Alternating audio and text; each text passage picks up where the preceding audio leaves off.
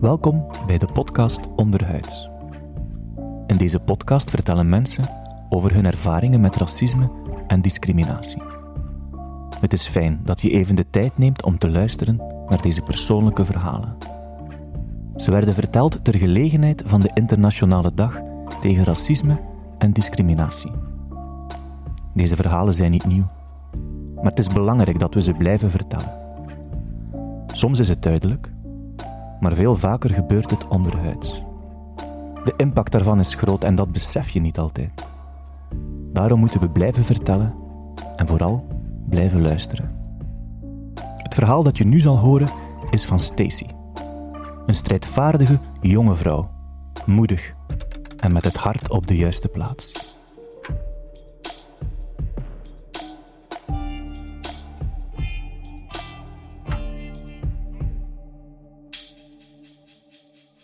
Racisme is um, het thema dat nu veel besproken wordt. Um, door de Black Lives Matter movement en ja, vele gebeurtenissen na elkaar. Um, dus daardoor kreeg ik ook meer de vraag van uh, hoe dat ik racisme heb meegemaakt in mijn leven. En wanneer dat die vraag gesteld wordt, heb ik komen er zo meestal twee gevoelens uh, bij me naar boven. Ik heb vooral het gevoel dat ze um, gelijk een soort sappig verhaal of zo willen horen over racistische opmerkingen die ik heb gekregen of, of, of dat ik ooit al een keer gediscrimineerd ben geweest omwille van mijn huidskleur of mijn achternaam.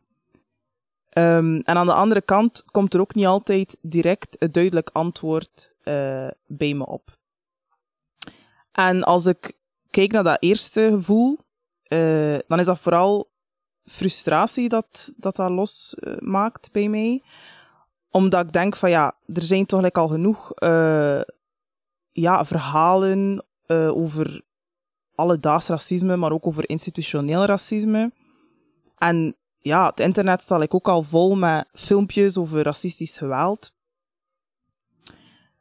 En het lijkt like, alsof dat ik een soort verhaal moet vertellen dat nogmaals zou bewijzen of dat racisme al dan niet bestaat. En dan denk ik ook van, dat is ook wel, dat zijn redelijk persoonlijke verhalen. Dus ik moet me wel redelijk kwetsbaar opstellen. Ik wil dat ook niet aan eender wie vertellen. En ik voel me ook een beetje alert, omdat ik denk van, oei, als ik nu niet met een soort zot verhaal afkom, dan gaan mensen denken, ah ja, zie je wel, racisme bestaat eigenlijk niet meer. Of toch, het is niet meer zo aanwezig.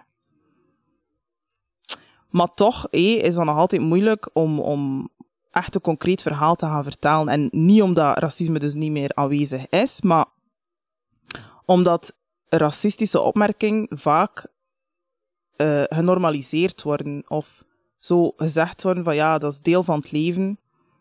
Um, en dan ga ik dat ook dan ben ik dat ook eigenlijk een beetje als waarheid gaan, gaan zien. En ook gewoon gaan accepteren. Um, maar ik wil daar ook wel bij vermelden dat ik wel racisme ook minder, allez, minder heb ervaard of minder hard te verduren heb gehad dan andere mensen om verschillende redenen. Um, bijvoorbeeld, ja, ik heb een lichtere huidskleur. Dus dat ben ik altijd wel sneller geaccepteerd geweest. Um, op school was ik altijd zo'n beetje het knappe, exotische mulatje.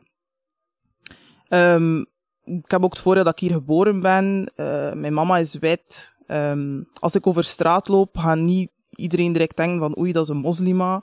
Of, of oei, dat is een bedreiging. Um, en ik ben ook opgegroeid in een gezin die ja, met financiële stabiliteit en, en allee, goede zorgen uh, bracht. Dus ja, ik moest nooit mijn geloof gaan verdedigen. Of ik moest nooit gaan denken van oei, kan ik wel naar de UNIF gaan? Ga ik dat wel aankunnen? Ik heb eigenlijk door al die voordelen of privileges um, ja, sowieso minder uitsluiting ervaren en ook meer kansen gekregen. En ik weet nog, toen ik begon aan de UNIF, um, dat er een vriendin plots zei, ja, we waren een sigaretje aan het roken in de pauze en we waren bezig over, denk racisme, ik weet het niet meer. En ze zei van, ja, ik heb eigenlijk nooit doorgehad dat je gekleurd was. En als ik dat zo hoorde, was ik zo'n beetje verward, want ik dacht van, ja, huh? zie ze nu niet dat ik bruin ben? Zie ze niet dat ik kruilen heb? Zie ze niet dat mijn lippen dikker zijn, dat mijn neus dikker is, um, dat ik ook donkere ogen heb? En dat was eigenlijk pas achteraf, of nu, dat ik dan besefte dat ze eigenlijk bedoelde dat ik tussen haakjes echte Vlaming of helemaal wit was. In alles, behalve eigenlijk mijn huidskleur. En dat ik mij, mij zelf lange tijd ook zo gezien heb als iemand die niet anders was. Maar dan besefte dat ik dus effectief wel anders was. En dat ik ook wel zo ervaren werd door anderen. En dan, als ik met die nieuwe inzichten dan terugkeek of terugblikte op mijn leven of mijn kinderjaren, dan ja, kwamen er wel superveel verhalen en, en dingen bij me op dat ik dacht van oei ja, dat is misschien toch niet zo normaal. Um, ja, ik werd bijvoorbeeld um, het N-woord genoemd, eh, of, of soms vergeleken met, met de gorilla. En als ik dan nu zo daarover nadenk, dan heeft dat wel degelijk mijn zelfbeeld of zelfwaarde eh, aangetast. En het ergste is dan dat ze altijd zeiden van ja, maar ja, dat is maar een grapje, eh. moet je niet zo aanstellen. Dus ja, ik moest dat dan blijkbaar maar normaal vinden, um, dat ik werd vergeleken met een gorilla, of allee, omdat ik dus dikke lippen had en, en een dikke neus. En ik moest het maar normaal vinden dat ik ook allee, het N-woord werd genoemd. Net zoals dat de bevolking van Afrika uh, wordt genoemd, of werd genoemd. Om hen eigenlijk te gaan ontmenselijken en hen eigenlijk te gaan reduceren tot enkel de, de kleur van hun huid. Wat er ook veel gebeurde, was dat ze bijvoorbeeld altijd aan mijn haar kwamen, zonder te vragen, of gewoon dachten van dat kan. Ik kan mensen zomaar aanraken en zomaar aaien. En dan dacht ik, ja, ze doen dat toch niet bij eender wie. Ze doen dat niet bij mensen met, met stijlhaar of, of... En ik werd ook altijd bestempeld als zo exotisch. En dat moest dan zo echt een compliment zijn. Maar ik dacht altijd van, maar ik ben toch geen stuk fruit of ik ben toch geen paradijsvogel of zo uit de jungle. Ja, ik ben geboren in Brugge, dat is echt niet zo exotisch.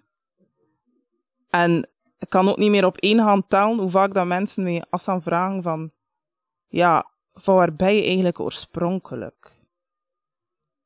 En ik denk ook dat als veel mensen mijn verhaal gaan horen, dat ze gaan denken, maar allee, dat is toch al niet zo erg, maar wat zetten ze eigenlijk in?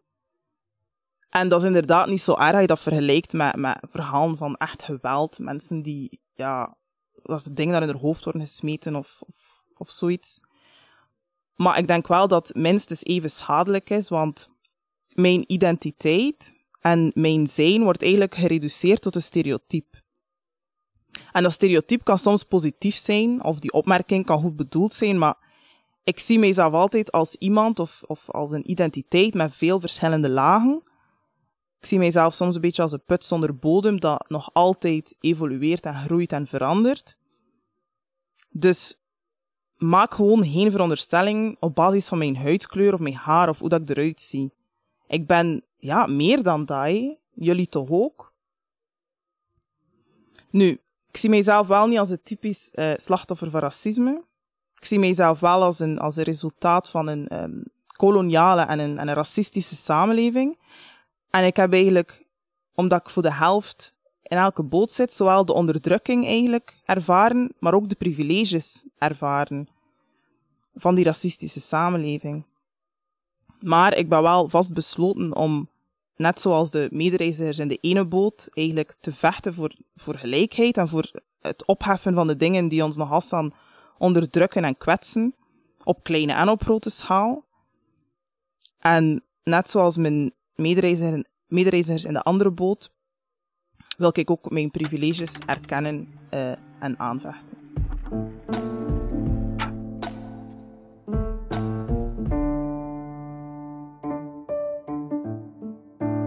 Onderhuids is ontstaan uit de samenwerking tussen de stad Brugge en de organisatie Brugge United Against Racism.